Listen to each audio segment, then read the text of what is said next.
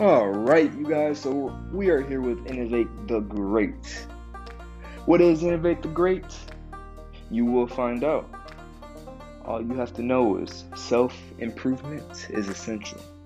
We will talk about business analytical ideas. We'll talk about your well being.